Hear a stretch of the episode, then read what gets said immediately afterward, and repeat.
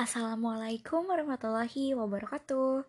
Saya perwakilan dari kelompok 10 yang beranggota 4 orang yang terdiri dari Mira Davita, Valentina Duyanti, Paujia Nurul Azizah, dan saya sendiri Wulan Maulia. Di dalam podcast ini, saya dan teman saya yang bernama Paujia akan membahas tentang implementasi belajar peserta didik. Bimbingan atau dalam bahasa Inggris, guidance yang artinya menunjukkan jalan, menuntun, memberi petunjuk, mengatur, mengarahkan, dan memberi nasihat. Bimbingan belajar artinya memberi bantuan kepada individu atau kelompok dalam hal pembelajaran, baik tingkah laku, akademik maupun non-akademik. Dalam praktiknya, banyak jenis yang dapat digunakan dalam bimbingan belajar. Pertama, Bimbel Supercamp biasanya dilakukan di dalam satu rumah dan dilakukan secara intensif. Kedua, bimbingan belajar konvensional dilakukan di ruangan kelas sama halnya dengan sekolah. Namun, jumlah siswanya 15-20 orang dan dilakukan sebanyak 2-4 kali pertemuan.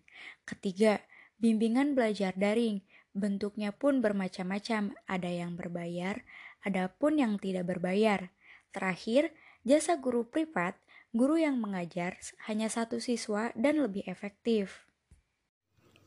Selain itu, ada strategi layanan bimbingan berupa memberikan motivasi kepada siswa, seperti call them approach, maintain good relations, developing a desire for counseling, Lakukan analisis terhadap prestasi belajar siswa mengenai beberapa siswa yang menunjukkan kelainan-kelainan tertentu, Terakhir, ada lakukan analisis sosiometris dengan memilih teman dekat di antara sesama siswa. Yang pertama ini ada call them approach, artinya memanggil setiap siswa yang ada dan melakukan wawancara face to face. Maintain good relations. Guru pembimbing membantu siswanya tidak hanya sekedar hubungan belajar mengajar dalam kelas saja. Developing a desire for counseling dilakukan jika siswa tidak menyadari akan masalah belajar yang dialaminya. Lalu ada langkah-langkah kegiatan layanan bimbingan yang berpusat pada dua kegiatan pokok, yaitu yang pertama ada menghimpun dan informasi selengkap dan subjektif mungkin, baik secara langsung dari siswa yang bersangkutan maupun sumber-sumber lainnya sesuai dengan tahapan lainnya.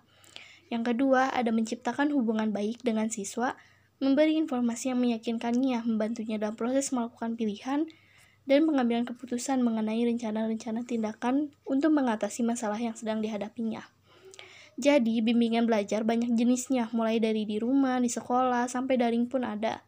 Bentuknya pun bermacam-macam, ada yang formal, non-formal, berbayar, bahkan gratis pun ada. Saat ini, bimbingan belajar yang diaplikasikan adalah jenis daring. Banyak platform yang menyediakan bimbingan belajar dari yang gratis, termurah, dan termahal. Bahkan di YouTube sendiri banyak channel-channel belajar yang ditampilkan.